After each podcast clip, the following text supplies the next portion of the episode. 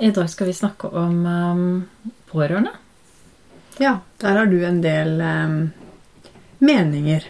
Jeg har mange meninger om den saken. Um, jeg kan jo starte med å si at i, for kort tid siden så var jeg på noe som het uh, toppmøte. Uh, som er, uh, det er et møte som arrangeres hvert år av Senter for erfaringskompetanse. Og der var selveste Ingvild Kjerkol, vår helseminister. Det var litt stas. Jeg har aldri møtt henne, holdt jeg på å si. Men hun holdt innledning. Og det var et møte som handlet om brukermedvirkning og pårørendemedvirkning i helsetjenesten. Og det jeg bet meg merke der, var at hun snakket om pårørendemedvirkning som om det hadde mest med at de satt på mye viktig informasjon til oss. Og jeg tenker det er jo én side av saken, at de sitter på mye viktig som vi kan ha bruk for. Men det er ikke pårørendesamarbeid, da. Handler ikke bare om en enveisgreie. Uh, det handler om et samarbeid, rett og slett. Og det, det handler ikke bare om hva de kan tilføre oss? Nei. Det handler også om hva vi skal og bør tilføre dem. Men hva, hva er det Det er ganske mange pårørende som er misfornøyde. Kan du si noe om uh, hva det stort sett går på?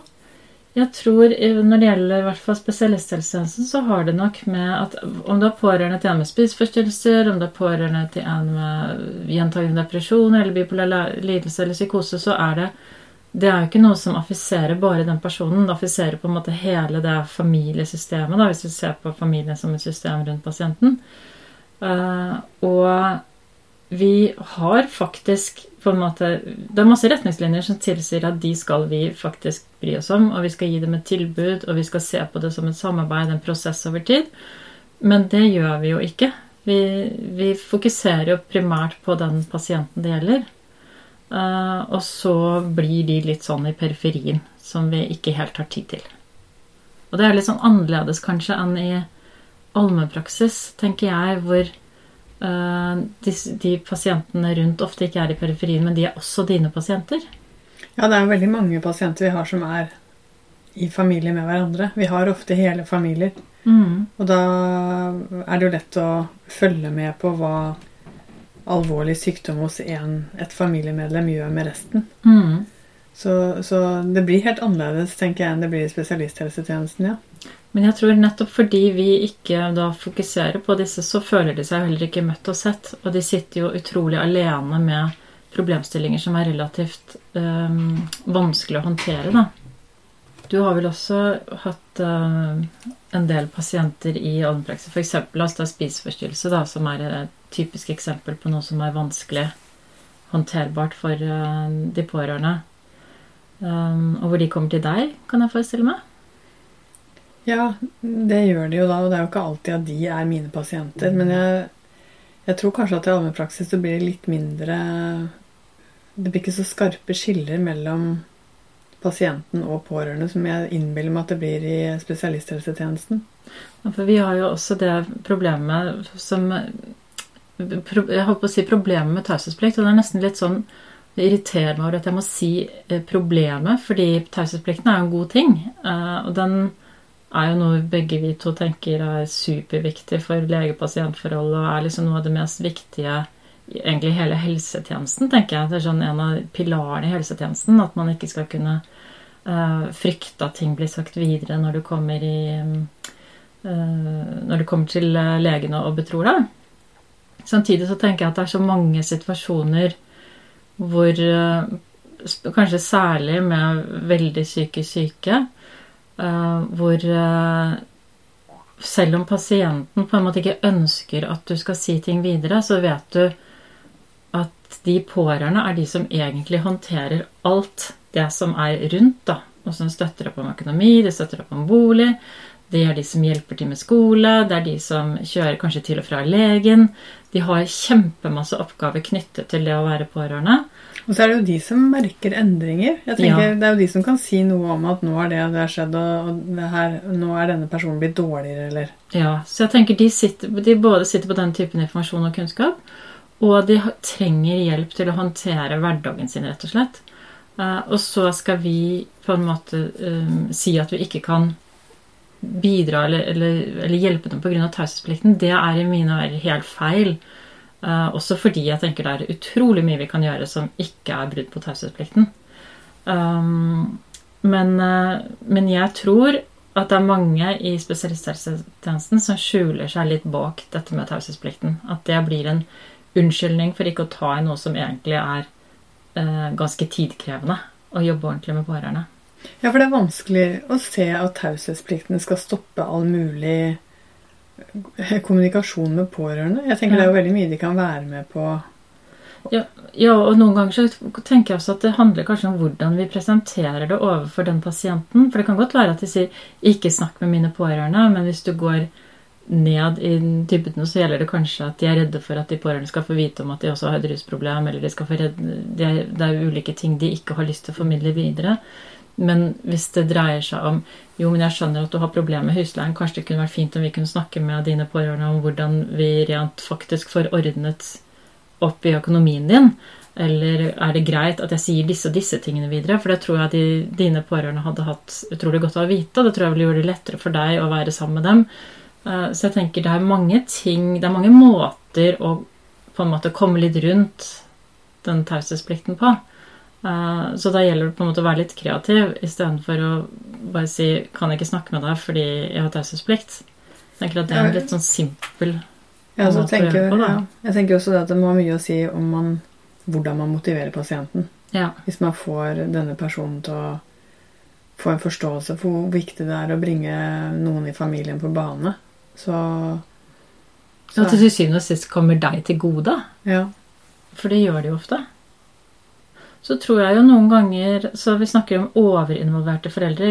I gamle dager så var jo det en eh, En som kunne være underinvolvert, det var jo også forferdelig. Eller så kunne du være overinvolvert, eh, og det var også forferdelig.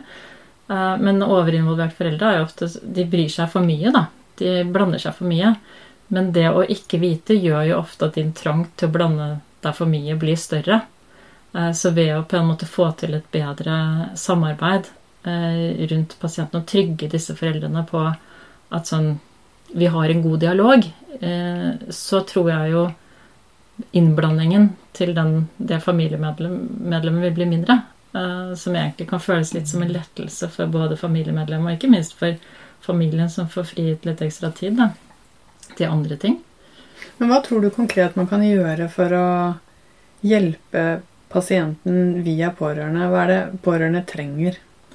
Jeg tenker at de trenger psykoedukasjon. Det har vi snakket om før. Utrolig Jeg er lei av det ordet, for det er alle de foreldrene jeg snakker med som syns det er et veldig veldig håpløst ord.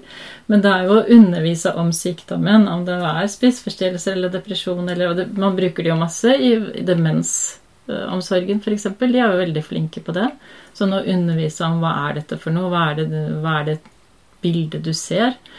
Uh, og, så, og det vil jo variere fra sykdom til sykdom, men så handler det jo også om å undervise folk i hvordan de skal håndtere sitt eget stress. Hvordan skal jeg håndtere den rare atferden som jeg ser, som jeg blir stresset av, og hvordan skal jeg håndtere min egen, mine egne reaksjoner på det? Uh, hva kan jeg gjøre for å slappe av? Jeg tenker jo Dypest sett så kan man komme helt ned til Eh, å anbefale mindfulness, holdt jeg på å si. Det å gå gjennom hva er det du trenger for å slappe av, hvordan kan du greie å fjerne deg litt fra situasjonen, eh, ta vare på deg selv, gjøre de tingene du har lyst til. Eh, ha et liv da, ved siden av det å være den omsorgspersonen. Og så må det vel være mange pårørende som ønsker litt sånn tydelige rammer for når de bør si ifra, når de bør melde fra til helsepersonell om at nå Eh, tror jeg denne personen er sykere, eller vi trenger hjelp, eller vi trenger tettere oppfølging. Tror du ikke det?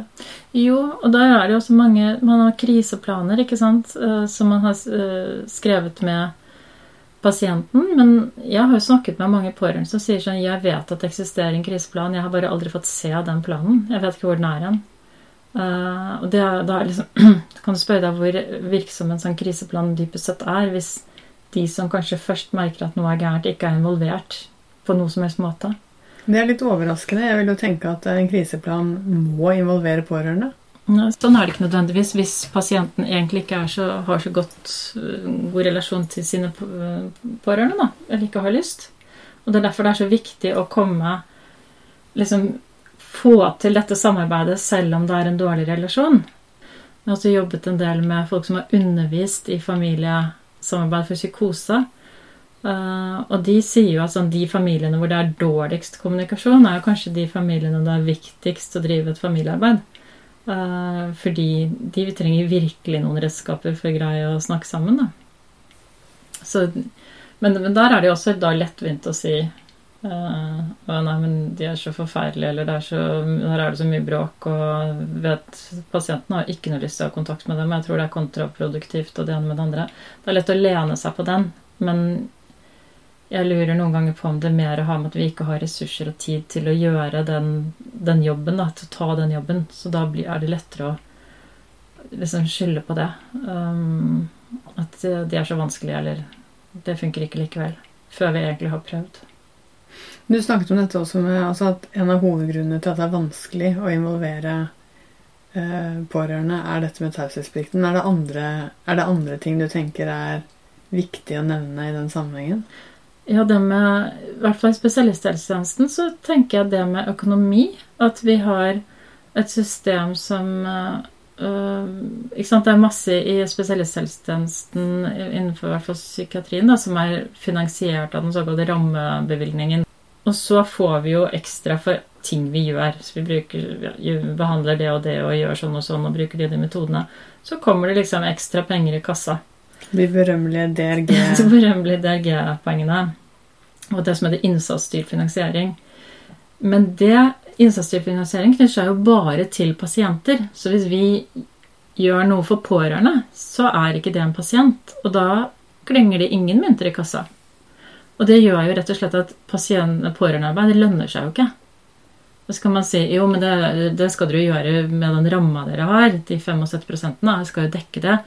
Men vi vet jo hvordan det er i psykisk helsevern. Det, det, er jo ikke nok til å gjøre det vi skal gjøre overfor pasientene heller. Så det å tenke at sånn skal, vi skal bare av oss selv Eh, tenke at det er smart å gjøre, eh, selv om vi ser at vi kunne fått inn mer penger til avdelingen ved å faktisk behandle litt flere av de pasientene som står og banker på døra vår. Eh, det er en ganske vanskelig, vanskelig et vanskelig valg å ta, da. Men da sparer man seg egentlig til fant, da. Fordi, ja, man gjør det.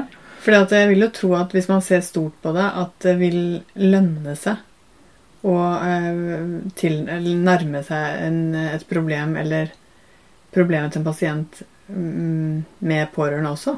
At man ville få dem fortere friske og Det er jo litt som med fastlegeordningen. Den, den, er en kjempesmart ordning som egentlig koster ganske lite, men uh, det at vi på en måte ikke tar de riktige valgene i helsetjenesten, og ikke prioriterer ressursene våre riktig, blir jo dyrt i lengden. Det er Så, vi som skulle vært helseministre. vi skulle vært helseministre.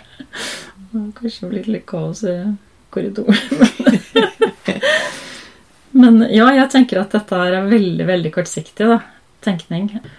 Det er litt som det er et um, hull i, i, regelverket som må tettes, da, hvor um, Eller ikke regelverket, men det er liksom et hull i helsevesenet som må tettes. Hvor det med å hjelpe pårørende til å være gode pårørende må et eller annet sted likestilles med det å hjelpe pasientene. Fordi når, når pasientene er så utrolig syke, som f.eks. med en alvorlig spiseforstyrrelse eller uh, alvorlig demens eller uh, alvorlig um, psykose, bipolar lidelse, så trenger, trenger, de pårørende veldig mye mer enn det de får i dag. Og mye mer sånn organisert arbeid uh, hvor vi kan jobbe med dem langsmed som en prosess, og ikke bare det å fortelle dem ting. Um, og jeg tror jo det har litt med holdninger å gjøre. Ja, hva, hva tenker du om det? Hva tror du Hvorfor blir det sånn? Jeg tenker det er liksom fra gamle dager, ja. Uh, at det, det, har vært mye Kanskje særlig innen psykiatri eller psykisk helsevern. At det, er, det hviler liksom en slags mistenksomhet eller mistenkeliggjøring av foreldre i psykisk helsevern. Uh, og det som kanskje var sterkere før, hvor det var mer den schizofrene mor, hvor man virkelig liksom tenkte at sånn, årsaken til at noen har fått en, eller får schizofreni, er fordi den schizofrene mor fungerte fryktelig dårlig. Uh, den kolde mor, liksom. Eh, jeg tenker det må jo ha vært helt forferdelig å være pårørende på det tidspunktet. Eh, for 40 år siden, f.eks. Men samtidig så tenker jeg vi vet jo også i dag at hele, eller hvordan familien fungerer, kan gjøre folk syke. Ja, det må jo være veldig vanskelig da å være Hvis man blir mistenkeliggjort. Hvis man kommer inn og har en, en, et sykt barn, f.eks., så vil helsepersonell tenke Hva har du gjort for å gjøre barnet ditt så sykt? Jeg tror ofte så møtes de på den måten, og kanskje, jeg tror ikke engang det er bevisst fra helsepersonells side. Fordi vi jo vet at hvis noen blir slått hjemme, eller det er mye Det kan være psykisk misbruk der Vi vet jo at det kan få særlig barn til å bli syke, så det er jo ikke noe jeg tenker Det er ikke noe Det er ikke så veldig rart at vi faktisk At det slår oss, at den tanken slår oss at her kan det være noe i veien med familien uh, som gjør at vi ser det vi ser på kontoret. Men uh, mange ganger så er det ikke Det er jo ikke fordi at ikke pårørende gjør det beste de kan. Og mange ganger så er det ikke sånn at vi kan spore det tilbake til en eller annen sånn spesifikk årsak. Og noen ganger så er det sånn at pårørende i utgangspunktet ikke har oppført seg spesielt uh, unormalt, men de reagerer på den atferden som vises uh, av dette barnet. Uh, og som gjør at de kanskje reagerer på uhensiktsmessige måter, og som forsterker på en måte hvordan det barnet har det. da. men jeg tror det at vi har de antennene ute, også kanskje gjør noe med oss rent sånn mentalt. At vi uh, ikke møter de pårørende på den samme varme måten som vi ville gjort hvis det var en med en fysisk sykdom. Og faktisk På den konferansen, eller det seminaret som var arrangert av erfaringskompetanse, så var det en mor som snakket som hadde et barn som hadde vært behandlet i somatikken, og et som hadde vært behandlet i psykisk helsevern. Og så Det var liksom som dag og natt hvordan de ble møtt av helsevesenet. Uh, på kreftavdelingen så var det liksom åpne armer. Alle var superhyggelige. Uh, stort smil, omtrent en klem. Og i psykisk helsevern så var det bare sånn lukket ned og taushetsplikt. Og vi kan ikke møte deg på det, dette her, og vi må finne ut av ting først før vi kan snakke med deg. En helt annen måte å møte pårørende på, da. Jeg kan godt tenke meg at det har mye med det å gjøre som vi var inne på. Dette med eh, skyld og skam knyttet til hva Hvilken rolle har pårørende i utviklingen av sykdommen? Mm. Fordi det, det, er jo som du sier, det er jo, det er ikke til å stikke under en stol at uh, mye psykisk lidelse kan spores tilbake til oppvekst. Mm. Men da er det noe med at uh, Ja, da må man jo på en måte også være nysgjerrig på den personen, da. Ja, kanskje handler det vel så mye om det. Istedenfor å møte folk med mistenksomhet, så møte med nysgjerrighet. Fordi jeg tror jo at vi alle som foreldre også kan gjøre ting som er feil. Men uten at vi mener noe vondt med det. uten at vi, Det var, var ikke intendert at dette skulle få liksom, en dårlig konsekvens for mitt, mitt barn. Uh, men vi har kommet inn i en loop som er dårlig. Og det, og det, er jo alltid en eller annen årsak til at den forelderen, da, eller uh, i denne situasjonen, uh, også har uh, håndtert situasjonen sånn som den har gjort. Ja. Kanskje det igjen kan spores tilbake til vanskelige oppvekstvilkår ja. igjen. Så det er, jo, det er jo alltid en årsak. Jeg tenker også det, at man på en måte heller kan lete sammen etter forklaringsmodeller istedenfor at vi leter hver for oss. Og jeg tror Hvis vi leter sammen, så får vi også et bedre utgangspunkt for samarbeid. Uh, og som til syvende og sist i hvert fall kommer pasienten til gode. da, At man får dempet nivået, konfliktnivået i familien etc. etc. Det er litt rart som du sier at det er så stor forskjell på somatisk og psykisk helse på dette punktet her. For jeg mm. tenker ja, Sånn som du sa dette med demens, der er det jo egne eh, det er jo, De fleste kommuner har vel sånne demenskoordinatorer som har hjemmebesøk, og hvor helt åpenbart pårørende er involvert. Og hvor du også lærer deg å bruke verktøy, eller bruke, um, prøve å kompensere for det hukommelsestapet og den situasjonen denne pasienten er i. Så det er jo masse remedier som man kan putte inn i hjemmet sitt, og ting, og ting som skal hjelpe vedkommende å bo hjemme så lenge som mulig, f.eks. Uh, men det er jo ikke det samme Eh, viljen, eller har i hvert fall ikke vært den samme viljen til å se på de med psykisk sykdom, og i hvert fall ikke på rusfeltet, eh, på den samme måten. Den samme aktiviteten, kan du se. Og jeg tenker særlig rusfeltet har det jo vært utrolig sparsommelig med fokus på familiearbeid.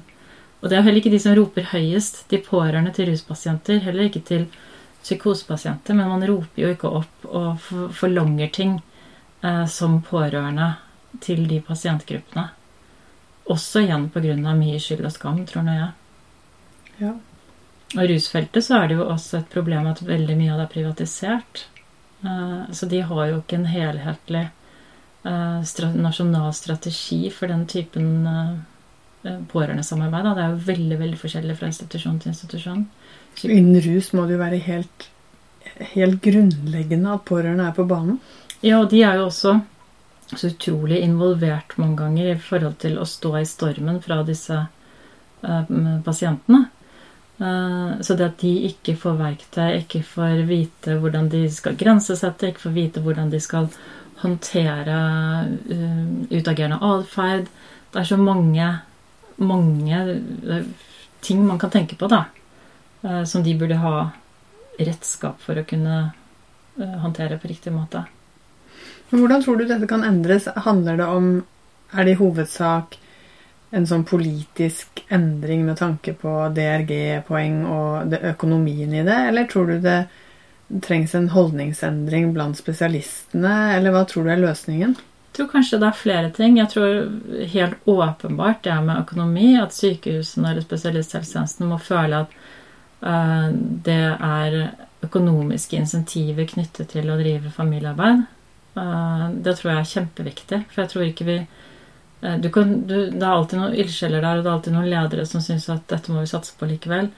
Men det, enten så må man måle at det faktisk gjøres, at noen det er noe av den statistikken du tar ut. Eller så må du gi direkte pengestøtte når det gis godt familiearbeid. Altså ikke bare å fortelle de familiene hvordan det er, men å faktisk jobbe med dem over tid. da. Uh, og så tror jeg det er en holdningsendring blant uh, helsepersonell om at familien faktisk er viktig, uh, og at taushetsplikten ikke er noen grunn til å ikke snakke med familien. Og at man kan, man kan jobbe seg rundt. Man kan lære de pårørende å håndtere utrolig mye uten å bryte taushetsplikten, for den skal ikke brytes. Um, men vi mener jo ikke at man skal gå på akkord med den. Det er jo ikke det det handler om. Nei, men du kan lytte til hva de pårørende sier, og så kan du gi dem råd om hvordan de kan håndtere situasjoner. Og det burde man kunne, uavhengig av taushetsplikten. Eller kan man. Det, det, ser jeg jo ganske ofte i allmennpraksis. At uh, jeg har jo hatt flere pårørende som har bestilt time hos meg og sier jeg er fullstendig klar over at du ikke kan gi meg noen opplysninger om denne pasienten som du har, men som pårørende så vil jeg veldig gjerne få lov til å si eh, min versjon av eh, situasjonen. Så det syns jeg opplever rett som det er. Men da kan de snakke med deg og, uten at det på en måte havner i den pasientens journal, eller må du journalføre det begge steder? Da eh, skriver jeg ofte noen linjer i journalen til den pasienten det gjelder, og sier at uh, eh, f.eks. mor uh, opplyser at samtale med mor sånn og sånn. For det er jo et problem hos oss, for det er mange pårørende som ikke har lyst til å De har ikke lyst til å snakke til oss fordi de opp, har opplevd at det har kommet i journalen til pasienten. Og hvis det er veldig anstrengt i utgangspunktet, så har du et problem gående. Det, men det tenker jeg kanskje har noe med å også opplyse pårørende om hva man må skrive i journal, og hva man ikke bør skrive i journal, og at man kan gi informasjon på generelt grunnlag, men hvis det er noe som gjelder den pasienten, så skal det jo opplyses om det i pasientens journal. Um, at det er blitt ringt inn. Så det er også et dilemma man står i. da. Hva skal hvor, og hvordan skal man håndtere informasjonen man får. Eh, Men det må jo være mulig å lage noen klare retningslinjer på det uten at man går på akkord med noen uh, taushetsplikt eller andre jeg, ting? Jeg tenker at her handler det mye om hvordan man formulerer seg, og hvordan man gir informasjon. Uh, og at alle er klar over hva som noteres hvor. Uh, sånn at man er, um, er, klar over det. Men jeg vet jo flere steder som driver godt familiearbeid, hvor de sier familiearbeid er en del av behandlingen til denne pasienten. Og vi jobber med familien for å gjøre, sette dem i stand til å, å gjøre um, Håndtere dette på en god måte. Og det er klart at man får vel sannsynligvis uh, informasjon om ting i den familien uh, i en sånn prosess, men hvis målet ditt er å hjelpe dem å håndtere sin egen situasjon, så er jo ikke målet å endre pasienten uh, direkte. Og da kan du jo ta imot mye informasjon om hvordan denne personen skal jobbe for å få vedkommende opp av senga, f.eks. Jeg greier ikke å få sønnen min opp av sengen fordi sånn og sånn og sånn. Og da kan man jo si ja, men i sånne situasjoner kan det være lurt å gjøre på denne måten. Si dette. Ikke sant? Det å veilede, da. Uh, og vi har jo også sett at der hvor man har gjort veldig godt familiearbeid, også der hvor pasienten ikke vil være i behandling, så har man faktisk kunnet snu behandlingsforløpet og få pasienten inn i behandling ved å gi familien god veiledning og støtte. Uh, ja, det er jo en kjemperessurs. Ja. Mm. Og det vil de jo. Det er jo noe som heter pårørende som ressurs, ressurs, som er et av de dokumentene man skal forholde seg til i spesialisthelsetjenesten. Um, men det, jeg tror det er veldig variabelt hvor mye de har følt seg som en ressurs. da. Og så tenker jeg kanskje når det gjelder holdningsendring, så har det Jeg tror faktisk leger, og kanskje også psykologer til en viss grad, ikke helt skjønner hva familiesamarbeid er. At vi har For jeg trodde jeg drev familiesamarbeid.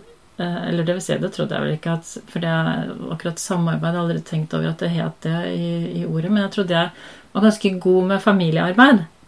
Eh, fordi jeg var flink til å informere familien. Jeg har liksom aldri stått i en situasjon hvor jeg følte at jeg ikke har kunnet kommunisere med familien. Men når jeg ser hva ordentlig familiesamarbeid dreier seg om, så tenker jeg at sånn Vet du, det visste jeg ikke. Jeg visste ikke at det var dette som var familiesamarbeid. Nei, det er jo ikke så mye fokus på det. det er jo ikke så mye jeg føler jo, Selv om det er annerledes i allmennpraksis, så eh, Jeg føler ikke at det er noe sånn men Husker du at vi hadde om familiesamarbeid på studiet? Det hadde vi jo ikke. Men det tror jeg ikke vi hadde.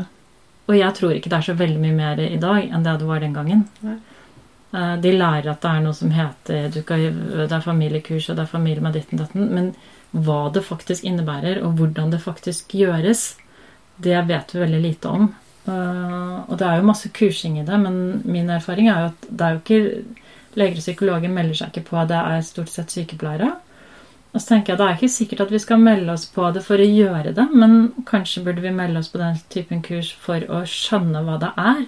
For å ha respekt for det arbeidet, og for å kunne oppmuntre både egne ledere og andre av de vi jobber sammen med, da, til å gjøre den jobben. Hvis vi ikke har tid til å gjøre det selv. Så det kreves egentlig økt bevissthet rundt hva dette egentlig er. Det kreves en endring med tanke på det økonomiske i det. Mm. Det er vel i grunnen det viktigste? Jeg tenker det er det viktigste. Og inn i, inn i utdannelsene, tenker jeg. Ja. At så nye leger som utdannes, de må skjønne, skjønne hva et familiesamarbeid er. Og det må også psykologene i mye større grad enn det de gjør i dag. Selv om jeg tror i barne- og ungdomspsykiatrien så er, det litt, så er det nok større bevissthet om det og større kunnskap om det. Men uh, utover det så tenker jeg at dette er litt sånn stemoderlig behandlet. Da får vi se om det kan endre seg, da. Vi står på barrikadene. Det gjør vi. Og heier på familiene. Mm. Og igjen ned med skam. Skam er en sånn helt sentral faktor i veldig mye av det vi snakker om. Ja, det kommer stadig tilbake. Det kommer tilbake. Mm -hmm. Men da takker vi for oss denne gang, da. Det gjør vi.